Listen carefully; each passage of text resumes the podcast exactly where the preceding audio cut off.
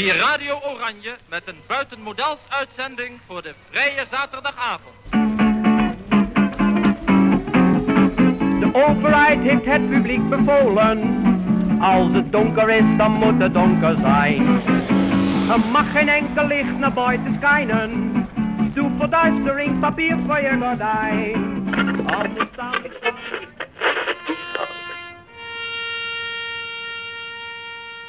Bezet. Audiomonumenten van de stad Amsterdam. Wat mijn vader deed bij die zenders is informatie vanuit Moskou binnenhalen uh, met morsetekens. De Duitsers reden rond met pijlauto's, want die wisten dat er geheime zenders waren. Uh, ze hebben alleen nooit uh, de zenders kunnen peilen omdat de frequentie zo laag was. Ik weet nog, als de telefoon ging en ik pakte hem op, hè, dat waren nog die oude telefoons, ging altijd een klik. Dat was altijd de BVD. Um, en die stonden echt, echt op de hoek van de straat. Het communistisch verzet. Over deze groep hangt altijd een licht mysterieuze sluier. Delen van hun archief zijn en waren niet altijd openbaar. En ook in de nasleep van de Tweede Wereldoorlog werden ze niet zelden ineens half vijand. Om toch een beetje een beeld te krijgen van deze bijzondere groep verzetstrijders, ben ik op weg naar de Gloriantstraat in Amsterdam West. Het is een beetje druilerig, maar onder een afdakje in deze onopvallende straat staat Annemieke Kammersinski Portugies Zwart op mij te wachten. Annemieke is de jongste dochter van Ben Portugies Zwart, een op Kattenburg geboren felle communist, die in de jaren 30 zo fanatiek voor het lot van arbeiders opkwam dat hij regelmatig zijn werk verloor. Hij verdiende de kost bij verschillende bedrijven en fabrieken om uiteindelijk bij de ADM, de Amsterdamse droogdokmaatschappij, in Noord terecht te komen.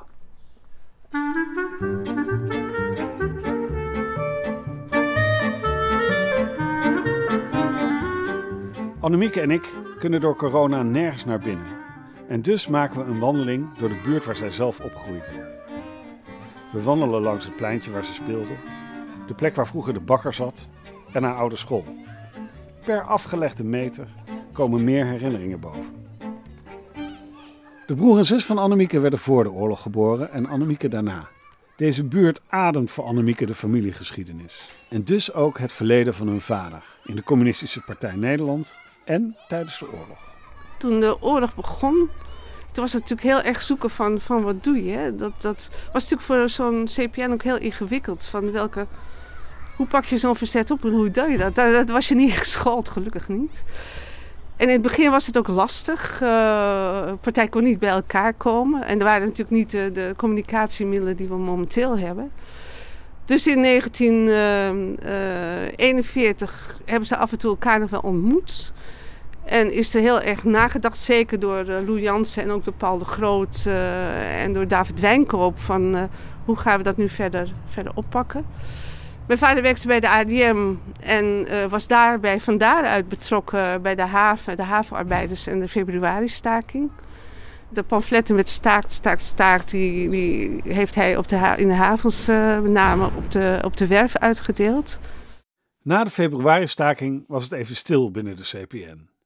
Maar begin 1942 kreeg Ben op weg naar zijn werk een verzoek. Op de pont in Amsterdam, want hij ging altijd met pontje heen en weer.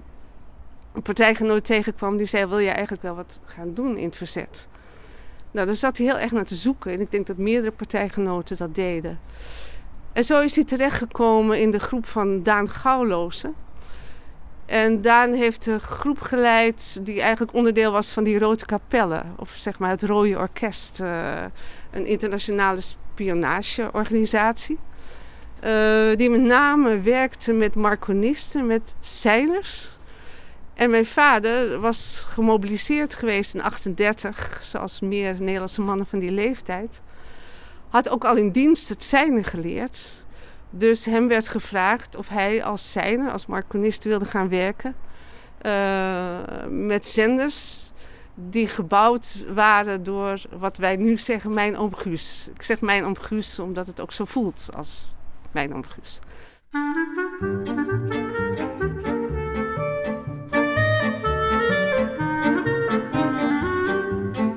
Oom Guus, zoals Annemieke hem liefkozend noemt, was geen echte oom. En zijn volledige naam was Guus Proosdij, een vriend van Ben en eveneens een buitengewoon fanatieke communist. Guus was door de CPN uitgezonden naar de Sovjet-Unie en daar opgeleid tot marconist die ook zelf zenders kon bouwen. Zo kwam het dat Guus ook voor Ben een zender in elkaar zette. In de Orteliusstraat heeft hij gestaan, die zender. Uh, dus hij, die zender die heeft hij steeds op verschillende plekken gehad. Waarbij hij zich af en toe, en dat beschrijft hij ook in, in zijn memoires, zich doodgeschrokken is. Omdat er grind aan het verschuiven was op het dak en hij dacht dat er iemand op het dak liep. Eén uh, keer kwam hij s'avonds om te gaan zenden, kwam hij boven en toen bleek de zender weg. Uh, nou, ik denk, dat, dat heeft hij honderd keer verteld, dat hij zo ongelooflijk bang was. En uh, toen bleek, en dat is natuurlijk heel suf, dat de zender stond in het huis van een, ook iemand uit het verzet. Die waren via via gewaarschuwd, die waren gaan zoeken en die hadden die zender ontdekt. Terwijl ze niet wisten dat hij daar stond. Alleen de zoon wist dat, maar die was elders ondergedoken, een heel verhaal. En wat mijn vader deed, is dat hij s'avonds daarheen ging. Hij vertelde mijn moeder nooit, ze wist wel wat hij deed, maar nooit waar hij was.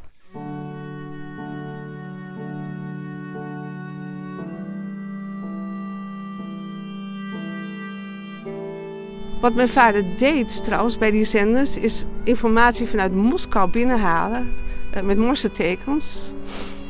En hij kon het niet uh, zelf uh, decoderen. Hij wist ook helemaal niet wat de inhoud van de boodschap was. hij schreef dat op een heel dun velletje van, van die sigarettenpapier. Dat ging in een zaklantaarn. En het was een hele gestructureerde organisatie met koeriersters. Dat waren overigens bijna allemaal vrouwen. En hij had één contactpersoon, dat was Annie. En Annie sprak je af in het Vondelpark op gezette tijden. En uh, dan had hij weer informatie en dan deden ze alsof ze verliefd waren. En dan overhandigde hij haar de zaklantaarn. Dat was altijd in de winter, dus dat viel ook nooit zo erg op. Dan ging het vervolgens naar de groep die, uh, van de gauwlozen die het ook decodeerde. Uh, ze twee belangrijke poten bij de groep van Daan Gauwloos. Dat was de poot van het zijn en dat was de poot van het vervalsen van persoonsbewijzen samen met de groep van Gerrit van der Veen. Dus dat waren de twee groepen die er waren. Ondertussen was oom Guus door het communistisch verzet naar Berlijn gestuurd. Daar, in het Hol van de Leeuw, gaf hij het vak van marconist en zenderbouwer door aan Duitse partijgenoten. Dat ging even goed, tot hij in mei 1943 werd verraden en opgepakt. Hij schijnt in totaal vijf weken lang, 70 uur per week, ondervraagd te zijn. Of hij doorgeslagen is, weten we niet. Maar. En op een zekere dag stond de groene politie voor de deur. En toen heeft uh, meneer Arts, dat was onze bovenbuurman, die woonde op twee hoog hier, die belde naar de ADM dat, dat ze voor de deur stonden en dat hij moest maken dat hij wegkwam. Want ze waren op zoek naar mijn vader.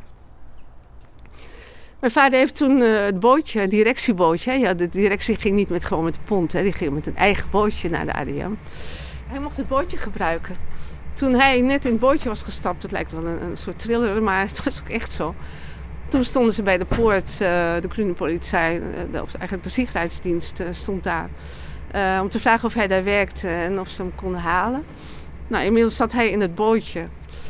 En toen is hij eigenlijk niet naar huis gegaan. Is hij naar het huis van zijn oudste zuster uh, gegaan. Want hij durfde niet naar huis. Dat was natuurlijk terecht. En uh, kreeg contact, ik weet niet precies op welke manier, met Daan Gouwlozen.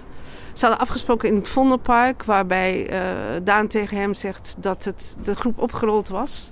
Dat hij een eind maakte aan deze groep uh, en ook aan, het Nederlandse deel van die Rode Kapellen, want het was natuurlijk een veel bredere organisatie. En dat ze moest zorgen dat de mensen die nog in leven waren, dat die in ieder geval uh, moesten onderduiken.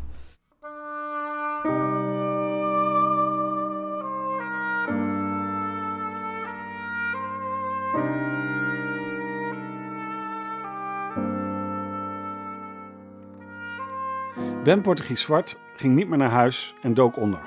Zijn vrouw, Truus Barnhart, de moeder van Annemiek, werd meteen opgepakt. Mijn broer speelde op straat. Hij was nog klein. Hier, deze straat. Want er was vroeger nooit verkeer. Wij speelden altijd op straat hier. En mijn broer heeft dat gezien, dat zij weggehaald werd. En die stond daar als klein jongetje. Mijn zus uh, was bij een vriendinnetje spelen. De buren hebben gezorgd dat uh, mijn broer en zus naar mijn opa en oma gingen, de ouders van mijn moeder. Die waren koster in wat uh, later de Rode Hoed werd, de oude kerk. en mijn moeder is toen naar de Euterpenstraat gebracht. En daar heeft ze een week of zes tot zeven heeft ze gevangen gezeten. een paar keer verhoord, omdat ze wilde weten waar mijn vader was. Ze vertelde alleen dat ze wist van zijn werk, maar dat ze ervan uit was gegaan dat hij gestopt was vanwege de kinderen. Ze namen haar zonder resultaat mee naar het huis aan de Glorianstraat om te kijken of daar misschien een zender te vinden was. Na een paar maanden werd ze met een beetje geld voor de tram vrijgelaten. De kinderen, die inmiddels bij een oom en tante ondergebracht waren, herkenden haar nauwelijks meer.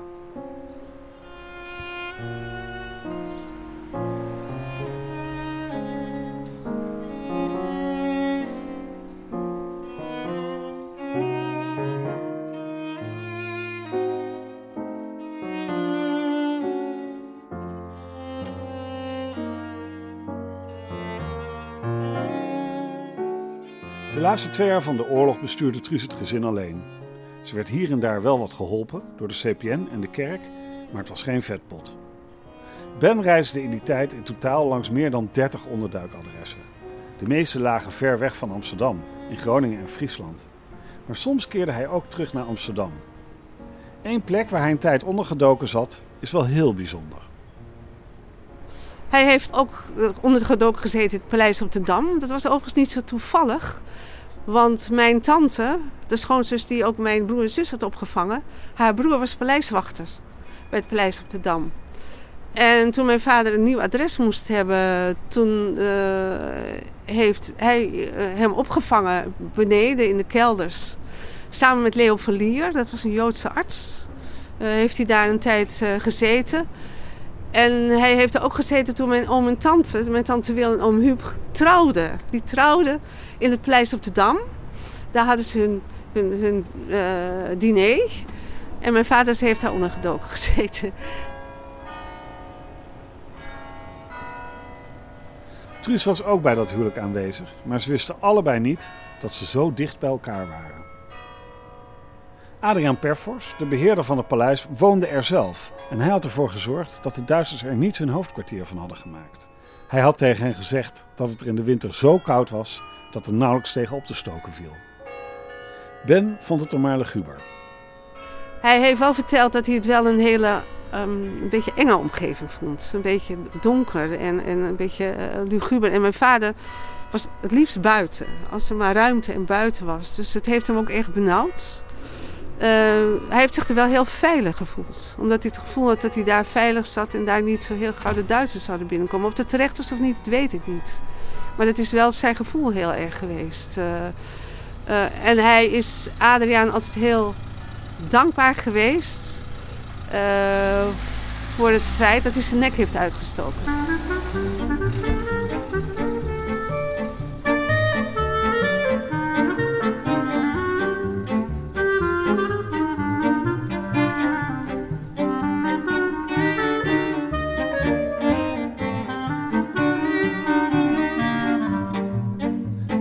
Pas na de bevrijding komt Ben weer naar buiten. Hij had de oorlog overleefd, net als oom Guus. Toch was er van echte vrijheid nauwelijks sprake, want Ben was communist en dat had nogal wat gevolgen. Ik weet nog, als de telefoon ging en ik pakte hem op, hè, dat waren nog die oude telefoons, ging altijd een klik. Dat was altijd de BVD. Um, en die stonden echt, echt op de hoek van de straat. Het werd vaak niet geloofd, maar het was echt zo. Ze stonden er. En het heeft heel lang geduurd voordat dat voorbij was. Uh, ik weet, oh, ik heb het archief. Dat is trouwens nog een mooi verhaal. Ik heb het archief van mijn. Ik dacht op een gegeven moment moeten gaan naar het NIOT. Dus dat archief van mijn vader wel, uh, was zijn. Dus ik kreeg uh, een, een, mapje met allemaal hele merkwaardige dunne blaadjes. Er stond ook op dat mijn vader toen hij in Drenthe woonde, en dat moet geweest zijn in 1975 ongeveer, dat hij van de politiecommissaris een brief aan de BVD dat hij had een soort zender in zijn tuin staan. Ehm, en uh, nou, ik heb die brief zitten lezen en er hing een briefje aan vast. Nee, het was toch geen zender, het was waarschijnlijk voor de ontvangst van de tv of zo, dachten ze. Nou, dan kun je ongeveer nagaan hoe lang die groep, uh, hoe lang die geobserveerd is, bijgehouden is. Uh, ik denk nog veel meer dan wij ooit hebben gedacht. Ze worden in de gaten gehouden en er gebeurden vreemde dingen. Zo werd oom Guus steeds weer ontslagen en latere pogingen van de broer van Annemieke om in de Verenigde Staten te werken liepen op niks uit, zonder duidelijke verklaring. De angst en paranoia was ook niet goed voor de interne sfeer binnen de CPN. Er was enorm veel gekissenbis, want de een was wel goed geweest en de ander was niet goed geweest. Ik heb me daar nooit zo mee bemoeid, maar ik ken wel de verhalen. In 1948 is er een onderzoek gekomen naar de verzetsgroep Daan Gouwlozen. Um, ook als onderdeel van de Comintern, de Communistische Internationale. Toen is beweerd, en dat is typerend voor de CPN... toen is beweerd dat uh, Daan was een BVD-agent... Uh, of een spion, beide kon ook nog. Hij is geroyeerd.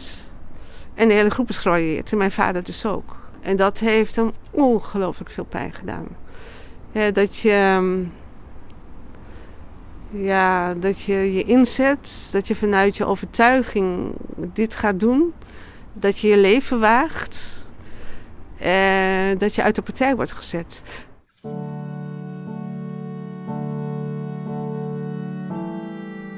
Van communistische verzetsheld tot agent voor de BVD, de Binnenlandse Veiligheidsdienst. Binnen de CPN kon je reputatie in één oogwenk veranderen. Toch bleef Ben ondanks dat hij de partij uitgezet was, communist. Hij is altijd CPN blijven stemmen. Altijd. Altijd. En hij is altijd heel druk in de weer geweest. Want er is toen ooit nog een boek over de CPN geschreven. Daar was hij voor geïnterviewd. En hij heeft epistels voorgeschreven, eh, volgeschreven met dingen die niet klopten in zijn ogen. Of die, uh, daar heeft hij zich uitermate mee bemoeid. Maar hij is altijd altijd communist gebleven. Uh, en hun contacten en vrienden zaten ook nog heel veel in die, die hoek. Mijn oom is niet zo oud geworden. Die is aan de drank gegaan. Die is, uh, zijn vrouw is vrij jong overleden na de oorlog. En zelf heeft hij het niet... Uh, ja, 65 is hij overleden. Maar de, de, de, de mensen waar ze veel mee omgingen dat was een deel de, de broers en zussen van mijn moeder, hè, want het waren mede partijgenoten, maar ook altijd partijgenoot. Ondanks alles dus toch CPN stemmen. De Tweede Wereldoorlog en de daaropvolgende Koude Oorlog hadden grote, blijvende gevolgen. Ook voor de rest van het gezin. Mijn vader was, wat ik zelf later ontwikkeld heb, eh, ook heel erg bang voor verlies. Dus vooral als ik wat later was dan gebruikelijk, dan kon hij volledig in paniek zijn. Hij uh, had buien dat hij zeker naar mijn zus heel agressief kon, uh, kon zijn. Plotseling uit het niets. Ik was als kind soms heel, heel bang voor de oorlog. Ik weet dat ik daar ook vaak, toen ik klein was, vroeg of er geen oorlog zou, uh, zou komen. Of het wel allemaal goed zou gaan. En er was heel veel achterdocht je moest ook niet zo gauw met vreemde mensen praten of met vreemde mensen omgaan. Uh, want je weet maar nooit wat ze vroegen of wat ze zouden kunnen veroorzaken. Uh, ik denk dat er in hele kleine dingen heel veel zat wat je als kind angstig maakte. Mijn zus zei altijd van ja, jij hebt dat niet meegemaakt allemaal. Dus dat, dat, dat is toch een stuk prettiger. Uh, je gaat denk ik als kind toch niet strijden om wie het het, heeft gehad. Maar mijn uh, broer heeft echt ongelooflijke nachtmerries uh, gehad. En is gewoon altijd heel vreemd geweest. Is vrij jong uit Nederland vertrokken met zijn tweede vrouw naar Spanje gegaan. En is jong overleden. Mijn zus die heeft mijn vader nou bijna gehaat, denk ik, de leven lang. En wat zij heel erg heeft gevonden is dat hij gekozen heeft voor het verzet en niet voor de kinderen.